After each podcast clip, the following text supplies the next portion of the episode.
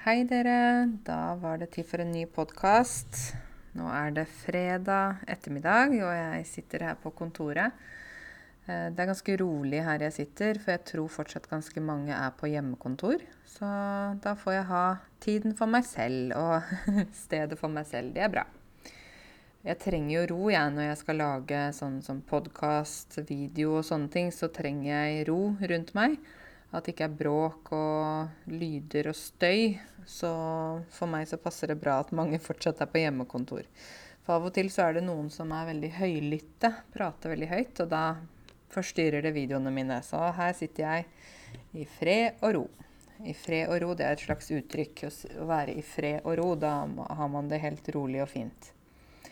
Um, det var jo eh, Jeg vet ikke om mange av dere er på Facebook-gruppa mi, og om dere følger med på de tingene jeg driver med. Det er jo mye rart jeg driver med. Stadig et eller annet. Um, men det har jo vært uh, en sånn um, Hadde et innlegg om dette med språkkrav for å få statsborgerskap. Der det har blitt lagt frem et forslag i regjeringen om at man skal kreve B1 muntlig for å få statsborgerskap. Uh, og da uh, skrev jeg en tekst som jeg uh, lastet opp uh, på YouTube. Eller altså, jeg, jeg fortalte om uh, teksten. Jeg leste den opp og uttrykte min mening i den teksten. Og det gjorde jeg rett og slett fordi det er et tema jeg er engasjert i. først så skrev jeg jo på Facebook-siden min og spurte folk hva de synes om dette med språkkrav. Så, og så følte jeg at veldig mange som var der inne i gruppa som da uh, har innvandrerbakgrunn, svarte ja, det, man må kreve B1. Man bør kreve B2, man må kreve C1 for å få norsk, norsk statsborgerskap. Um, per nå så er det jo A2. Men jeg er ikke enig i det. Uh, og hvorfor er jeg ikke enig i det? Fordi jeg syns ikke at statsborgerskap nødvendigvis er knyttet til språk. Jeg tenker at statsborgerskap handler om å på en måte være en lovlydig borger, da, en person som bor i et land. Man fungerer, man gjør det man skal. Eh, man betaler skatt, man eh, stemmer ved politisk valg f.eks. Man oppfører seg ordentlig, følger lover og regler i det landet. Um, selvfølgelig så bør man jo kunne norsk, og jeg ønsker jo selvfølgelig at alle skal kunne flytende norsk. Det er min drøm. Men realiteten er jo ikke sånn. Uh, og jeg kjenner jo mange som kom hit som analfabeter. Det betyr at de ikke kunne lese og skrive. Selv om de var voksne, selv om de var mødre og fedre, eh, så hadde de ikke nok utdannelse fra hjemlandet. Kanskje pga. at de har opplevd krig, at de har eh, vært på flukt. De har blitt frarøvet utdanningen sin. Å bli frarøvet noe betyr at du blir tatt fra noe uten at du vil. At noen kommer og stjeler fra deg. Så at de har blitt frarøvet muligheten til å få utdanning. Og hvis du da kommer til Norge, la oss si en alder av 40 eh, år, og du kan ikke lese og skrive, uh, verken på norsk eller på morsmålet, ikke sant? F.eks. en person som snakker arabisk, da er det jo et annet alfabet, ikke sant? Jeg er jo analfabet på arabisk. Så ja, eh, da er veien veldig lang, dere, og det, det syns jeg at vi må huske på. At det, alle har ikke like forutsetninger for å kunne klare B1 muntlig nivå. Men de fungerer like godt i samfunnet uh, selv om de ikke har B1 muntlig. Så jeg syns ikke at man skal knytte statsborgerskap direkte opp mot en ferdighet som språk, da. Um, da syns jeg heller det er mer rettferdig å, å, kreve noe språknivå når man snakker om f.eks. å komme inn på universitet, der man skal bruke det språket aktivt for å kunne fungere på det studiet. Eller hvis man tenker på uh, at man skal fungere i en jobb der man må ha høyt språknivå, da syns jeg at det er rett og rimelig å kreve et språknivå. F.eks. en lege som ikke klarer å uh, snakke ordentlig med pasientene, slik at pasientene blir utrygge.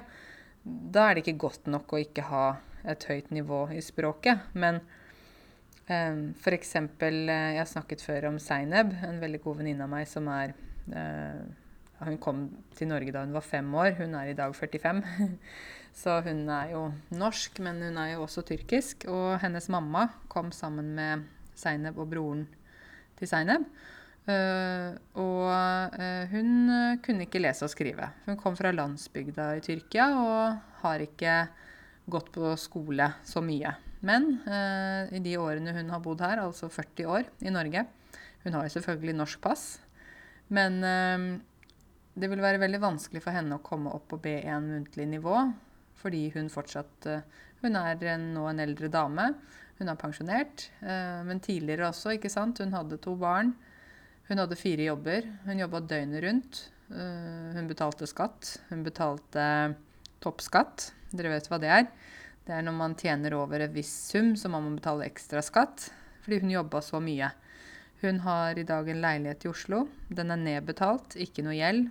Hun er en veldig ålreit, oppegående, snill, eh, lovlydig dame. Hvorfor skal ikke hun ha norsk pass? skal man bare si nei, men du snakker ikke på B1-nivå, så beklager, du, du, kan ikke ha norsk pass. Uh, det syns jeg blir helt feil. Jeg tar henne som et eksempel, da, bare for å illustrere for dere. Og så tenker jeg jo at uh, dette blir jo noe som man på en måte uh, Enhver person bør ha et mål for seg selv. Hvis du ønsker å lære norsk på et høyt nivå, så er det et veldig bra mål, men det må jo også være et realistisk mål. Ikke sant? det må jo kunne være mulig å gjøre det hvis du setter deg et mål. Uh, og ja, B1 er jo uh, mer avansert ikke sant, enn A2. A2 er sånn som jeg tenker alle kan klare muntlig, uansett om de er analfabeter eller høyt utdanna eller ikke bruker norsk noe særlig. A2 kan man klare. Men B1 da begynner å bli litt mer avansert. Da skal man uttrykke sine meninger om forskjellige ting. Ikke sant? Du skal kunne snakke om likestilling, barneoppdragelse, eh, utdanningssystemet Ja, det krever litt annet. Men uh, det er opp til hver enkelt person. Men jeg er i hvert fall uenig i dette forslaget om B1 muntlig for statsborgerskap. Det har dere sikkert forstått. Um, så ja.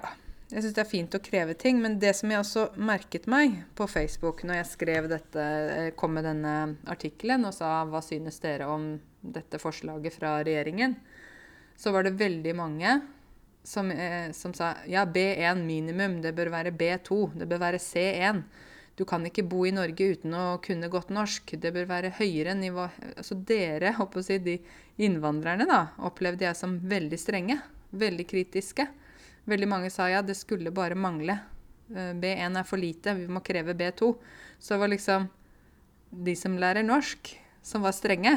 Ikke nordmenn, skjønner du? For dette har jo blitt uh, lagt frem også som et sånn slags uh, forslag, ikke sant. Og da var det uh, Om det var 100 110 som stemte mot, og 20 som stemte for. Altså imot, da sier man nei. Uh, mens jeg opplevde at veldig mange var veldig sånn enig da, i ja, B1 selvfølgelig skal man kreve det. Det jeg også reflekterte litt over der, var jo det at uh, mange innvandrere kommer fra land der man ikke skal kritisere autoriteter. Hvis liksom lederne i landet sier sånn og sånn, så skal man liksom bare si ja. Man skal bare være enig.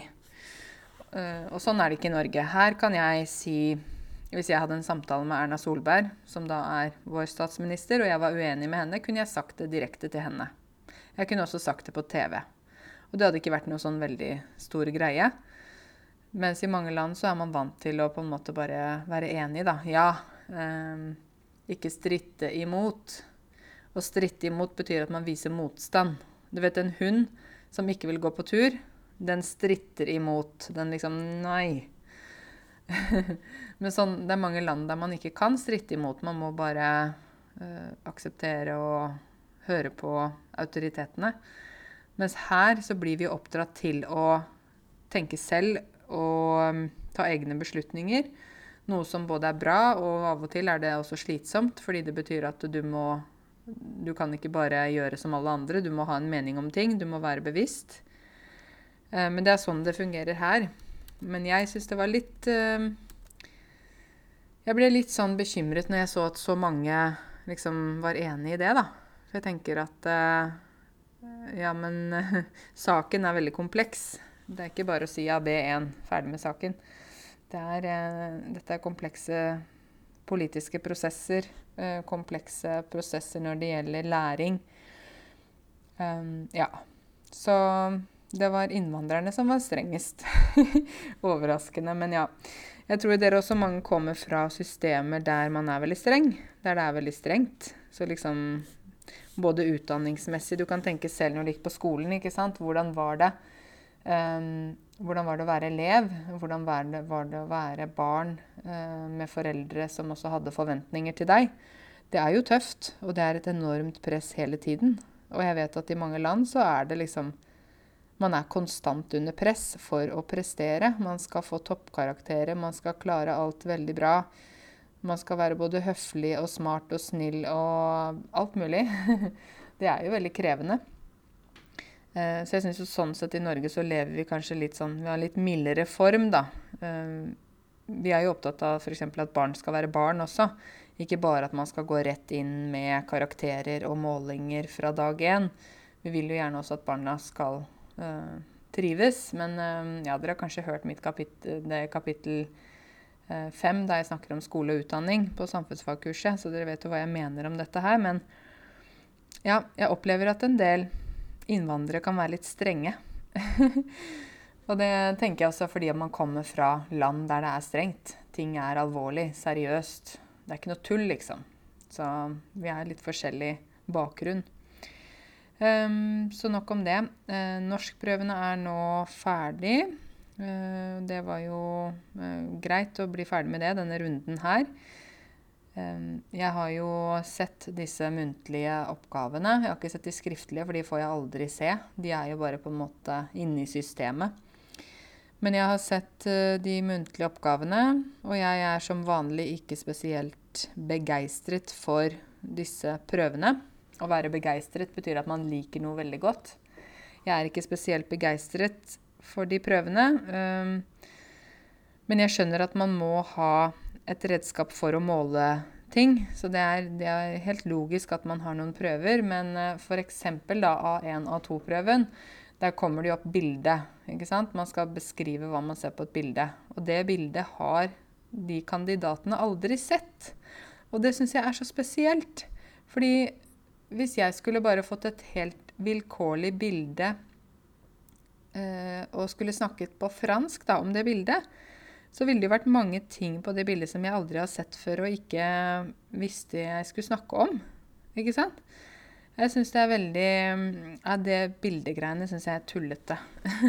Jeg hadde en elev som eh, Han måtte klare A2-kravet for å få eh, statsborgerskap. Og også da, da, han fikk det, så ville han kunne klare å få kona og barna til Norge, for de var ikke i Norge. Og han hadde tatt A1 A2-eksamen så mange ganger, og hver gang det kom til bildeoppgaven, så klarte han ikke. Han klarte ikke å fortelle hva han så på bildet, ikke på en ordentlig god måte. Og vet dere hva han gjorde? Han, neste gang så sa jeg nå skal jeg gi deg et råd. Du ønsker A2, ikke sant? Ja, sa han. Da melder du deg opp til A2B1-prøven. Da slipper du bildet. Selv om det måler på et høyere nivå, så slipper du å beskrive bildet. Ja, han gjorde som jeg sa, og besto med glans. Å bestå med glans betyr at man består helt supert, på en lett måte. Og han var så glad. Nå kan, jeg, nå kan livet mitt begynne. Jeg kan få kona mi hit og barna mine hit. Så jeg, bare pga. det dumme bildet så fikk jeg ikke familien min til Norge, og jeg venta lenge. Så sa jeg nå kan du begynne livet. Eh, poenget var jo å få A2. Så om du klarer å beskrive bildet eller ikke, så er du i hvert fall på A2 muntlig nå. Så han var lykkelig for det. Så jeg er jo, eh, selv om jeg er lærer, så høres det kanskje litt rart ut at jeg ikke er en veldig stor tilhenger av prøver. Å være tilhenger av noe betyr at man liker noe, eller man foretrekker noe, da. Jeg er ikke noe tilhenger av prøver og eksamen, fordi jeg mener at um, det er så mange tilfeldigheter. Man kan ha en dårlig dag, ikke sant. Kanskje man kan alt, men man har en dårlig dag. Eller man får det vi kaller for jernteppe. Ikke jerneteppe, som noen sier, som er feil. Jernteppe handler jo om eh, Det er et uh, begrep i hvert fall som jeg har forklart det, at det var på teatret. Var det Russland? Nå husker jeg ikke helt, jeg skal ikke si noe for sikkert, men det var i hvert fall et slags jernteppe som gikk ned Eh, som liksom Der alt ble blokkert på et teater. Kanskje noen av dere vet det. Var det Russland eller eh, Ja.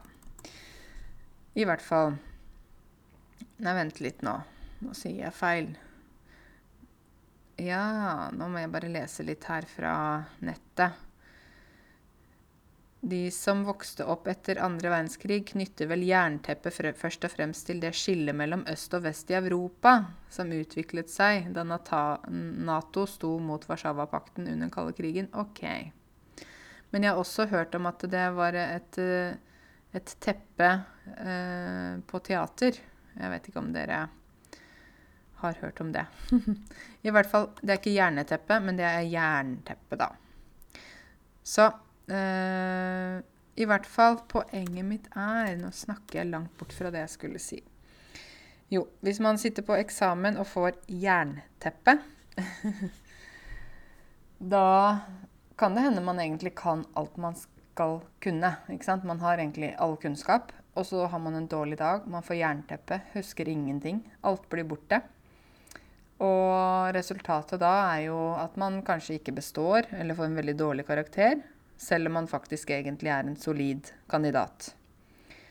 Um, dette med eksamen er jo også ofte bare én dag, ikke sant? Sånn skoleeksamen som vi kaller det, når man sitter og skriver i seks timer. Og da skal man på en måte huske masse, ha teorier, flette teoriene inn i refleksjonen. Og flette inn Du kan tenke deg du fletter et hår, ikke sant? Men hvis du fletter inn teori, så putter du litt teori inn i refleksjonen, inn i teksten din. Det blir en blanding av egne refleksjoner og teori. Um, jeg er mer for Jeg syns det er bedre med f.eks. hjemmeeksamen.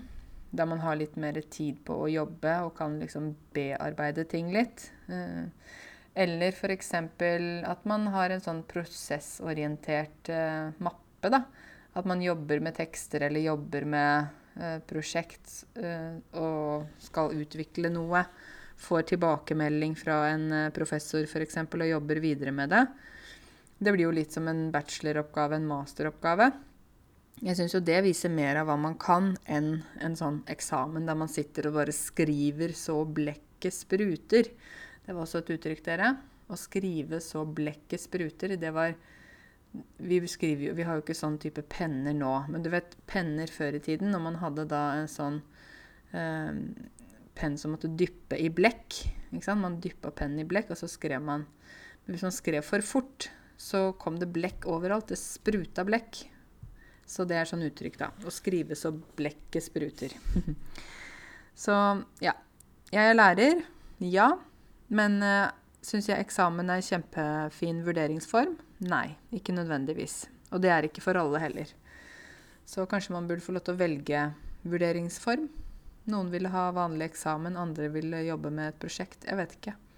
Det viktigste er jo at folk får vist hva de kan, ikke hva de ikke kan. Ikke sant? Ja. Eh, jeg snakket jo forrige podkast om min kjære hund Bahia. Eh, kanskje noen av dere som lurer på hvordan det går med henne. Det går bra med henne. Ehm, jeg var jo på sjekk hos dyrlegen. Jeg tok en sånn hastesjekk fordi jeg ble litt bekymra. Og så er jeg en utrolig utålmodig person. Jeg klarer ikke vente på ting. Derfor liker jeg ikke bestille ting fra nettet, f.eks., for, eksempel, for det tar så lang tid. Så jeg blir helt utålmodig. Og i hvert fall når det gjaldt min egen hund, da var jeg veldig utålmodig. Så jeg ville vite hva, hva som var problemet. Så jeg bestilte en hastetime og så hadde vi da en time hos en halthetsekspert. Å være halt, det betyr at man går Du vet når du har vondt i foten og ikke går ordentlig på foten, du trår ikke ordentlig ned, det heter å halte. F.eks.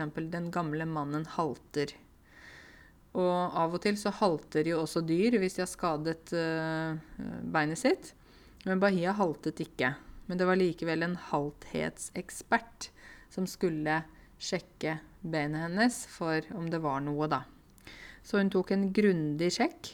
Å ta en grundig sjekk betyr at man tar en skikkelig, ordentlig sjekk. Og hun øh, øh, ja, la Bahia ned på begge sider og klemte overalt. Og på muskler og hofter og rygg og labb. Fordi hundene har jo ikke føtter, de har labb, labber. Klemte på labbene hennes, alt mulig. Hun hadde litt vondt foran på venstre forlabb og litt vondt bak på venstre bein. Men hun sa det er ikke avrevet korsbånd. Det er ikke delvis avrevet korsbånd. Så da var jeg veldig lettet. Å være lettet, da er man sånn Du vet når du kan puste inn Sånn. Å, så bra. Supert. Nå kan jeg puste lettet ut. Å puste lettet ut, det er også et sånn uttrykk. Jeg puster lettet ut. Eh, det var ikke noe galt med Bahia. Da er jeg liksom rolig. Um, men uh, hun skal til kiropraktor neste uke. Det høres jo ut som Bahia er et menneske. hun er ikke menneske, hun er hund. Men hun oppfører seg nesten som et menneske av og til. Men hun skal til kiropraktor neste uke, og så fortsetter vi bare å ta det med ro, da. Vi går rolige turer på en halvtime hver gang. Hun har vært oppe på skauen og bada litt. Jeg har fått henne til å svømme. Hun får smertestillende hver dag. Ja.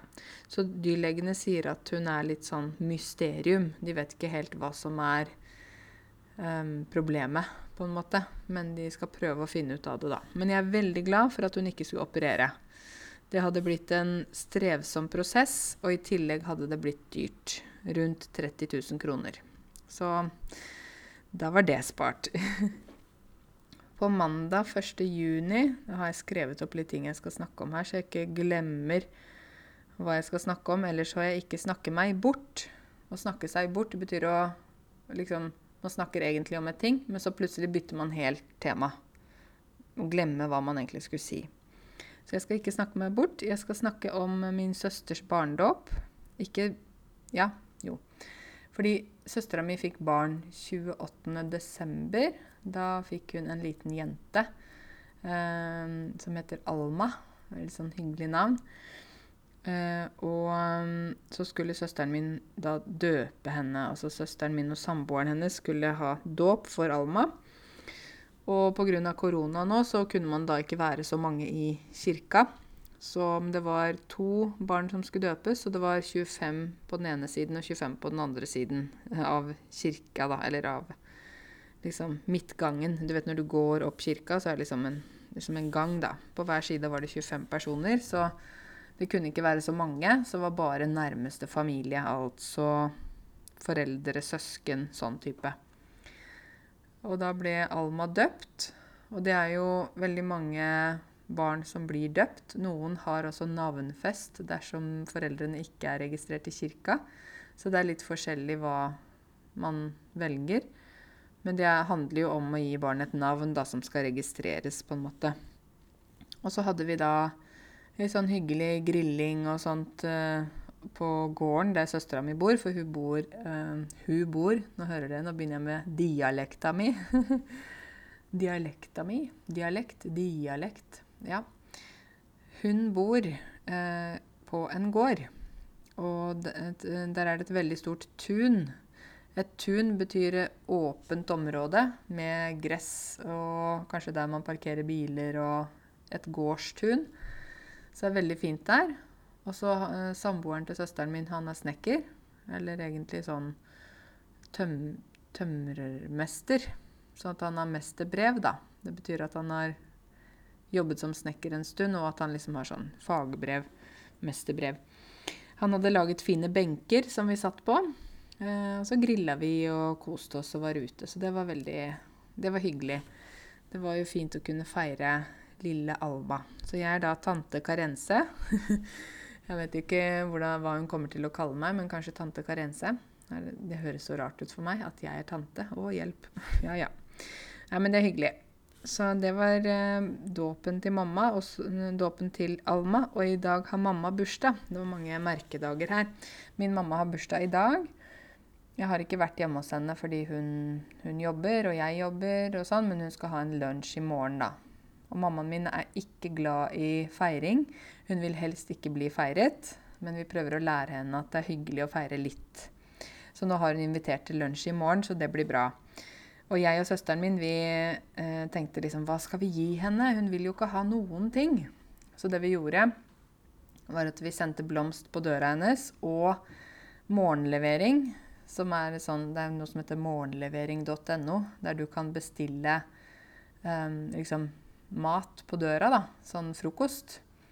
Da er det ikke sant, juice, croissant, uh, brød, egg, uh, yoghurt, sånn type pakke. Og det er sånn veldig hyggelig gave å gi til noen som har bursdag eller et eller annet. Så vi bestilte morgenlevering til henne, så da fikk hun en, en sånn pose med deilig frokost på døra. Helt ferskt brød og jeg tror det var croissant der, og ferskpresset appelsinjuice, og det er sånn fin start på en bursdag. Nå skal vi feire henne i morgen. Og søsteren min og jeg vi har da bestemt at mamma trenger ny webside. Fordi Uh, hun har hatt en webside i alle år. Uh, sevendesign.no. Men hvis du går inn på den, så tenker du 'Å, herregud, hva er dette for noe?' Så det er nettopp den vi skal pusse opp. Vi kan jo pusse opp et hus, og vi kan pusse opp en webside. Så nå blir det uh, websideoppussing. Sevendesign.no skal komme i ny drakt. Når vi sier at noe er i ny drakt Drakt er det samme som et uh, komplett klesplagg. Så Seven Design skal nå ut i ny drakt. Og da blir det um, Ja, hele websiden skal, uh, lage, skal lage ny.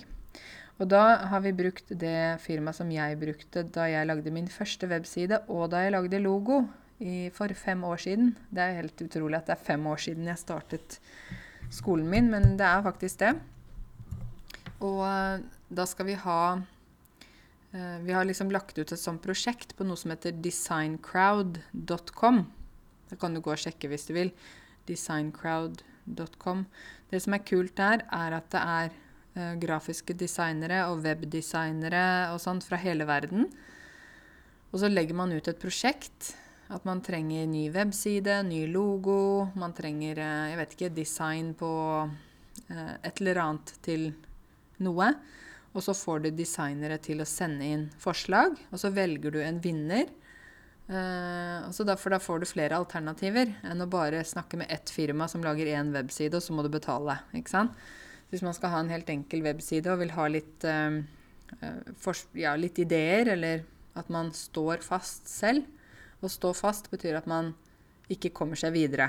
Så hvis du står fast, så kan du prøve den siden der. Det koster jo litt. Jeg tror vi betalte 350 dollar for eh, ja, pluss sånn websideintegrasjon. Jeg tror det ble 500 dollar eller noe sånt for da opptil 15 design. Så da kommer det forskjellige designere som da kommer med sine forslag til den nye websiden, og så skal vi velge en av de. Man kan også ha opptil 50 designere. Eh, men da er det jo eh, Da er det jo på en måte veldig mange valg. Så vi tenkte at mamma ikke trenger så mange valg. Men at hun, det er fint å kunne velge noe, da. Og så er det ikke så dyrt, så da lager de på en måte websiden og legger inn de diverse sånne uh, Hva heter det Faner. Altså sånne tabs. Forskjellige sider. Man skal jo ha sånn om firma, kontakt oss, inspirasjon, sånne temaer, ikke sant. Så det blir hennes bursdagsgave. Så det tror jeg blir litt kult å gi henne. Websiden er ikke ferdig, men konkurransen er i gang. Så det blir gøy. Så jeg syns det er Vi har jo egentlig ganske mange gründere i familien min når jeg tenker etter. Det er jo meg. Jeg har jo Å være gründer, det er jo tysk, egentlig. Um, men det er liksom det samme som å være en entreprenør, da. En person som har eget firma og har noen egne ideer om noen ting. Moren min er interiørdesigner og har eget firma med interiør. Og så har vi hun som er gift med fetteren min. Hun er frisør og har egen salong. Og så er det kusina mi. Hun driver med klær eh, og klessalg for uh, uh, Hun har liksom sitt eget firma og selger klær til butikker og sånne ting. Um, ja, det var vel det. Og så er det en annen kusine av meg. Hun er jo lege, så hun må jo også ha eget firma, da. Så det er litt kult at vi har så mange damer som har firmaer. Det, det er bra. Det må vi heie på. Jeg syns det er så deilig å ha eget firma fordi jeg har en veldig stor frihet. Jeg kan Det jeg elsker, er særlig at jeg kan starte når jeg vil. Jeg er jo ikke et A-menneske. Jeg liker jo ikke å stå opp tidlig. Jeg husker jeg bare hata å stå opp klokka halv sju og sju når jeg skulle på jobb. Åh, er sånn, For meg så var det tortur. så når jeg endelig slutta, så var det så deilig. OK, men jeg starter klokka ni. Jeg passer ikke til å starte klokka åtte-sju. Åh, nei. Noen mennesker liker jo det. Og noen mennesker liker å starte seinere, så jeg er en av de som liker det. Og så kan jeg ta meg en dag fri hvis jeg vil det, uten å spørre sjefen. Det er veldig deilig. Uh, og så kan jeg komme med mine egne ideer. ikke sant? Jeg finner jo bare på ting fra hodet mitt. Så det har stor frihet. Og så er det gøy, fordi jeg driver med noe jeg elsker. Jeg, jeg, underviser, jeg underviser, ikke så mye sånn én-til-én nå. Det har jeg ikke kapasitet til.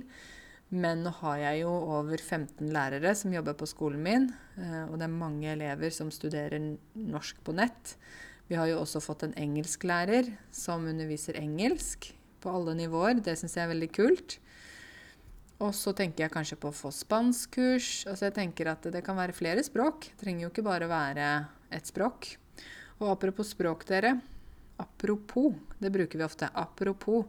Det betyr sånn når jeg tenker på dette. Så apropos språk, når jeg tenker på språk, så må jeg si at jeg også publiserte et innlegg i går Var det ikke i går? Eller over i går? Som eh, handlet om det å oversette en landingsside eh, på den nye websiden vår til forskjellige språk. Vi skal ikke, det, altså skal ikke være hele websiden som skal oversettes, men det skal være en landingsside der vi på en måte forteller hva vi driver med, hva Note er. Altså skolen min heter jo Note, Norwegian Teaching. Hva er det? Hvem er Karense? Hvem er lærerne? Hvilke kurs har vi? Hva gjør vi? Hvilke tjenester har vi? Sånn helt kort sånn sammendrag. Og det har jeg planlagt sammen med de designerne som lager websiden, at, um, at uh, vi skal ha på mange språk. Fordi det kan være fint at man kan lese om, om skolen på eget språk. Så um, Eh, jeg skrev på Facebook at jeg trenger folk til å hjelpe meg til å oversette en sånn side på ca. en A4-side, altså 500 ord. Oversette til forskjellige språk. Særlig de store språkgruppene av de som på en måte um, ja, lærer seg norsk. Det har jeg i hvert fall sånn som jeg har sett. Jeg spurte jo om det i januar. Uh, hvilke språk snakker dere?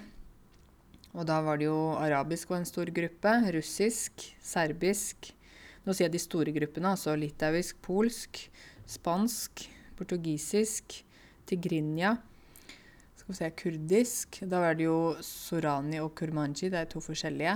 Um, hvilke andre store språk var det da? Ja, Unnskyld meg hvis jeg ikke husker på alle nå, men skjønner dere, det var jo noen store språkgrupper, og så er det noen språkgrupper som er mindre. Eh, farsi. Persisk. Ja. eh, men i hvert fall eh, Jeg syns det er veldig fint at man kan da lese om skolen på eget språk. For da, om man så er nybegynner i norsk og ikke kan engelsk, så kan man likevel forstå hva skolen er, og hva det handler om. Så det syns jeg er veldig fint. Og gjett hva, dere. Jeg fikk altså over, over 200 e-poster med folk som kunne oversette. Noen av de store språkgruppene fikk jeg jo 30-40 e-poster. Det var helt overveldende. At noe er overveldende, betyr at det er sånn Oi, wow. Det er så mye. Det er helt utrolig. Så det var en veldig fantastisk respons på det der. Eh, og det som jeg merket meg når det gjelder dette her, var at det er så mange folk som eh, har så mye kompetanse. Jeg sa jo det at for å oversette denne siden, så trenger man å være på litt høyere nivå i norsk. Fordi du må jo forstå teksten, slik at du kan klare å oversette på en god måte. Og folk skrev. Jo, etter hvert så måtte jeg lage et skjema, så måtte jeg begynne å skrive. ikke sant? Navn, e-post, hvilket språk, og hva er det liksom spesielt med den personen. Det var mange som hadde tolkeutdannelse Folk som hadde trinn 3-nivå, C1-nivå i norsk. Folk som eh, eh, snakka jeg vet ikke, ti språk. Altså, det var helt utrolig. Det var så imponerende. Og jeg skulle gjerne sant, F.eks. Um, litauisk fikk jeg veldig mange henvendelser. Polsk, russisk, spansk. Jeg skulle gjerne gitt liksom eh, jobb til alle, at alle kunne gjøre det, men jeg trengte jo bare én oversettelse, da. Og det var så vanskelig å velge. Jeg, til slutt måtte jeg bare ta noen på en måte som hadde god kompetanse. Det var jo f.eks. flere som hadde tolk. De var tolkeutdannet. Og hvis det er liksom fem som er tolkeutdannet, hvordan kan jeg velge mellom de fem? Jeg kjenner jo ikke den personen, så jeg tok en av de. Men jeg har jo lagret all informasjonen, så hvis jeg bestemmer meg for å oversette mer senere, så har jeg jo veldig mange som er interessert i sånt, da. Men jeg, jeg tenkte wow! Så utrolig kompetente folk. Så flinke. Um, jeg håper de som sendte meg mail, har jobb. Jeg blir så frustrert hvis folk med så mye kompetanse går rundt uten jobb. Altså, det er helt horribelt. Så jeg blir sånn Wow, jeg skulle ha lyst til å sende til Erna Solberg, liksom. Se her, Erna. Se på, all, se på den kompetansen folk har. Det er helt utrolig. Så jeg bare Jeg tar av meg hatten for dere. Å ta av seg hatten betyr at man viser respekt og liksom er veldig imponert, da. Så jeg tar av meg hatten for dere. OK, men det er en, en sak som pågår nå i nyhetene, som er jo veldig alvorlig. Det handler jo om rasehat um, og rasisme. Det er jo uh, dette her med um, det som skjedde i USA, ikke sant? Hvor han George Floyd uh, ble uh, holdt nede av politikonstabler, eller ja, politibetjenter, og, og, at han faktisk døde. Uh, og um, dette har jo nå blitt til en bevegelse i både USA, men også veldig mange land. Jeg vet ikke om alle verdens land er med, men i hvert fall veldig mange. Og det er demonstrasjoner rundt om i verden um, for dette her med rasisme. Hvor Sånn som jeg snakket med en kamerat av meg, så, så sa jeg at uh, ja, men ikke sant, man må jo, man må jo man må jo være snill mot alle mennesker, ikke bare afrikanere, ikke bare de med mørk hud. Ikke bare, Man må være snill mot alle. Og så sa han til meg ja, men hvis man, hvis man sier det, da, og jeg støtter alle, alle nasjonaliteter, alle kulturer, jeg støtter alle, da har man jo ikke en sak. Da har man ikke en ting man kjemper for. Ikke sant? Fordi at noen uh, har, har, det greit. Ikke sant? Sånn som det at jeg er norsk og lys i huden. Jeg tror jo at jeg får mange på en måte fordeler gratis bare pga. det, uten at jeg egentlig nødvendigvis har fortjent det. Bare fordi jeg er lys i huden, så skal jeg liksom få ekstra privilegium fordi, fordi jeg er lys i huden. Um, og, og dette med den rasehatet, da, eller rasismen, det er en kamp som har vart så lenge. Som han sa til meg. Andre kamper, f.eks. da eh, kvinnebevegelsen, ikke sant? hvor det var snakk om kvinners rettigheter og sånn, det er jo en kamp som på en måte ikke er helt over, og ikke som har tatt helt slutt, men den kampen er ikke lenger eh, eh, så eh, stor, eller på en måte man, man, har fått veldig mye på plass. da. Det samme gjelder jo f.eks. dette her med homofile og lesbiskes rettigheter. ikke sant? I hvert fall i den vestlige delen av verden så er det jo nå på en måte mange ting som har kommet på plass, og det har tatt kort tid. Bare fra 1973 så uh, Før 1973 var det jo ikke lov å være homofil i Norge. Men, men dette her med rasisme, det, det pågår fortsatt. Ikke, den kampen er ikke ferdig, og den er nesten ikke tatt på en ordentlig måte heller. Det bare fortsetter og fortsetter. Og for meg så er det helt utrolig at man Jeg bare forstår ikke hvordan noen kan diskriminere på hudfarge eller Altså, jeg, jeg, Det bor ikke i meg. det at noe ikke bor i meg, betyr at jeg, jeg, forst, det, jeg har ikke det tankesettet. Jeg, jeg, skjønner ikke at noen kan si 'Å, du er mørk. Å, du, du er mindre verdt enn meg'. Det er da ikke sant. Det er sånn hudfarge For meg så jeg ser ikke hudfarge, jeg ser menneskene. Og det er sånn som mammaen min sa til meg også. Karese, du ser ikke, hvor, du ser ikke at noen den er fra Kina, og den personen er fra uh, Eritrea. Du ser ikke det, du. Så jeg nei, jeg ser ikke det. Jeg er ikke opptatt av det. Jeg ser det mennesket. Uh, og jeg kan ikke si noe om et menneske før jeg kjenner det mennesket. Hvis jeg blir kjent med et menneske da, som viser seg å være en slem person eller en dårlig person, så kan jeg ikke si det før jeg kjenner den personen. Jeg kan ikke gå rundt og si 'Å, se på deg'. uten at jeg kjenner det mennesket. Det er da helt Det går ikke an. Og jeg vet at det er mye rasisme rundt omkring. Det er rasisme i Norge, det er rasisme i mange land. Og jeg syns det bare er så Er vi liksom der i 2020 at vi holder på med det? Altså, har vi ikke kommet lenger? Jeg syns det er helt Det er så trist. Det er tragisk. Og så tenker jeg de som på en måte har litt sånn rasistiske holdninger, da. Å ha rasistisk holdning betyr at man da ikke liker noen som er da veldig forskjellig fra seg selv i form av hudfarge. Um, da, man går jo glipp av mange ting. Man går glipp av vennskap. Å gå glipp av noe betyr at man mister noe. Man går glipp av vennskap, man går glipp av kontakt med andre. Man lærer mindre. Altså, jeg bare forstår det ikke. Vet dere hva? Det forstår jeg ikke. Jeg er helt uenig. Jeg bare jeg skjønner ikke. Og jeg, eh, noe som gjør meg sint, er jo hvis jeg hører sånne type holdninger. Hvis jeg hører sånne uh, utsagn. Utsagn betyr det noe noen har sagt. Da blir jeg forbanna. Å bli forbanna, da blir man Du vet, du blir så sint. Så sint, så sint. Det gjør meg så sint. Fordi en ting som jeg ikke tåler Å tåle noe betyr at man kan takle det. En ting jeg ikke tåler, er urettferdighet.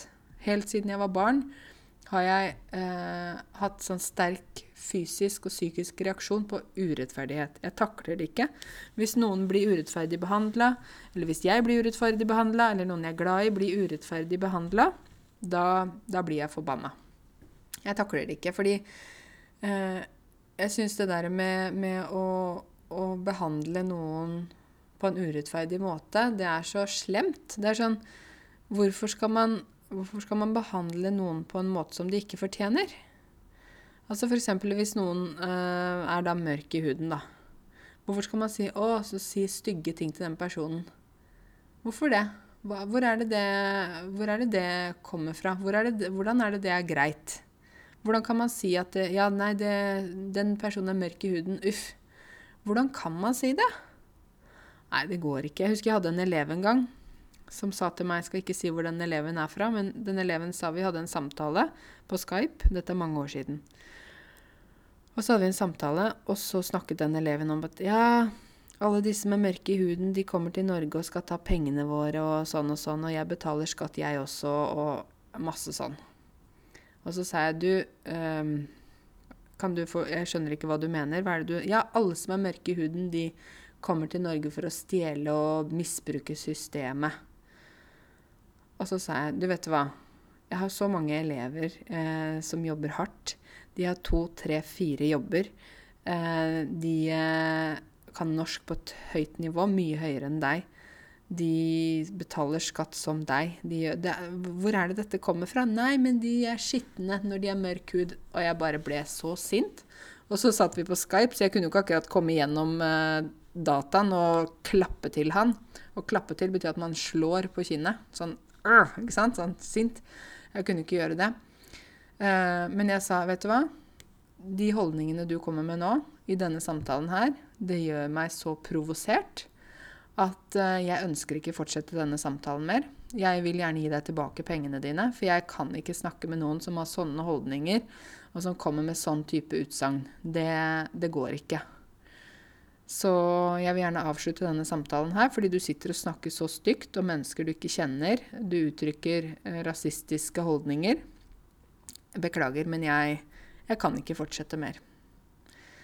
For meg, Sånn er det for meg. Altså, og jeg avsluttet samtalen, eh, betalte tilbake de pengene, og ferdig med det. Sånt går ikke. Jeg aksepterer det ikke. Jeg aksepterer ikke sånn oppførsel. Det er helt øh, idiotisk. Helt forferdelig. Og jeg tenker at vi øh, Jeg sa jo det der med, i forrige podkast at vi må ha et mer åpent samfunn. Vi må åpne døra. Vi må være snille mot hverandre. Vi må se hverandre liksom for den vi er. Vi må gi hverandre en sjanse. Ikke sant? Jeg sa jo det. Husker dere det? Dette her gjelder jo alle. Vi må alle gi hverandre en sjanse. Ikke sant? Uh, og det der med å forhåndsdømme. Liksom på forhånd ha bestemt seg for å nei, de personene fra det landet, de er sånn og sånn. Det er jo veldig dumt, fordi man går jo glipp av så mye. Og man, det er jo mange ting man ikke eh, får lære eller får vite om, bare fordi man er sånn. Nå sier jeg ikke at dere er sånn, dere må ikke misforstå meg, også, men nå snakker jeg generelt. Og dette er et fenomen i samfunnet i alle land, og jeg syns det er, eh, er bånd i bøtta. Uttrykk. Et uttrykk som pappa pleide å bruke. Bånd i bøtta betyr Du vet, bøtta. Når du vasker huset, og så tar du kluten oppi vannet igjen og igjen og igjen. Hva er det som kommer nederst i bøtta? Jo, det er grus, sand, møkk um, Ikke sant? Alt sånn der som, som, går helt nederst. Det er bånn i bøtta. Det er så lavmål. Så Nei, vi må være snille mot hverandre, dere. Og vi må, vi må forstå at uh, det er ingen som fortjener noe høyere plass enn andre. Det er jo en sånn sang som heter uh, Jørgen Hattemaker. Har dere hørt om den? Nå skal jeg finne teksten her. Hattemaker. Det er en sang som ble skrevet av Alf Prøysen. Alf Prøysen har dere kanskje hørt om, han som har skrevet 'Du skal få en dag i morgen' og sånne ting. Men Jørgen Hattemaker, det er altså en sang som handler om egentlig eh, Jørgen, som er hattemaker. Dette er liksom i historien, da. Hattemaker betyr en som lager hatter. Og så er det kong Salomo. Dere har kanskje hørt om kong Salomo, som var en sånn konge i, ja, i historien. Så teksten er, jeg, den er jo egentlig på sånn veldig dialekt, da, men jeg skal prøve å lese den som vanlig. Ja, først så vil jeg nevne min stilling og min stand. Jeg står og svarver hatter i Salomo sitt land. Det betyr at han Jørgen han står og lager hatter i landet til kong Salomo. Sjøl bærer Nei, selv bærer jeg navnet Jørgen, så forskjellen er stor. Så jeg heter Jørgen, og forskjellen mellom meg og kong Salomo er stor. Men både jeg og Salomo kom nakne til vår jord. Ikke sant? Når man kommer nakne, det er når man blir født. Det er ingen som blir født med diamanter og gull ikke sant? på kroppen. Vi kommer nakne ut på samme måte. Sola skinner på deg, så skyggen faller på meg, men gresset er grønt for alle. Så sola skinner på kongen, da. Og skyggen kommer på meg, sier han Jørgen. Men gresset, det er grønt for alle. Gresset er, er, grønt for Jørgen hattemaker og grønt for kong Salomo. Når liljene på bakken i fager blomstring står, altså når liljene blomstrer Lilje er en type blomst. Og alle himmelens fugler sin glade trille slår, og alle fuglene synger. Jeg nynner samme strofe i hattemakergrend. Så synger han på samme, sange, samme sangen eh, som fuglene. Han kanskje plystrer sånn. Sånn, ikke sant? Og morgendagens Salomo, hva vet vel vi om den? Så han sier det at eh, liljene blomstrer opp, fuglene synger. Jeg står og synger det samme sangen min, men morgendagen den vet vi ingenting om. Sola skinner på deg, så skyggen faller på meg, men gresset er grønt for alle. Jeg bare leser den eh, sangteksten for dere, dere kan finne den selv. Har Salomo sitt måltid med vin og fylte fat? Så når kong Salomo spiser måltidet sitt med fylte fat, det betyr tallerkener fulle av mat og vin, jeg suger på harde skorper og kaller det for mat. Så han Jørgen Hattemaker suger på brødskorper, gammelt brød, og han kaller det for mat. Ser du forskjellen? Men det vi gir ifra oss dit vi i lønndom går, så det vi gir ifra oss når vi dør, blir gress til hyrdens hvite lam og Sarons sorte får. Dette er jo sånn bibelske referanser, egentlig, da. Eh, det vi gir ifra oss, blir til gress til eh, de hvite lammene og til de svarte eh, sauene. Til eh, Saron i Sarons dal, hvis dere kjenner til det der. Så er det sola skinn på deg, så skyggen faller på meg, men gresset er grønt for alle. Anbefaler at dere hører på den sangen der. Jeg kan bare synge første verset, så dere kan høre eh, hvordan melodien er. Det er sånn som dette her. Ja, først så vil jeg nevne min stilling og min stand. Jeg står og svarver hatter i Salomo sitt land. Sjøl bær jeg navnet Jørgen, så skilnaden er stor. Men både jeg og Salomo kom nakne til vår jord. Sola skinn på deg, så skuggen fell på meg. Men graset er grønt for alle. Kan du søke opp den sangen? Jørgen Hattemaker. Og med det så tenker jeg at jeg avslutter podkasten for i dag. Det er veldig hyggelig at dere har lyttet til podkasten min. Og så får dere gjerne dele med venner og bekjente som kanskje også trenger å høre litt norsk podkast, som ikke er altfor vanskelig. Jeg ønsker dere uansett en, eh, en eh, god helg. Nå er det jo fredag. Og så høres vi snart igjen. Takk for nå, og ha det godt.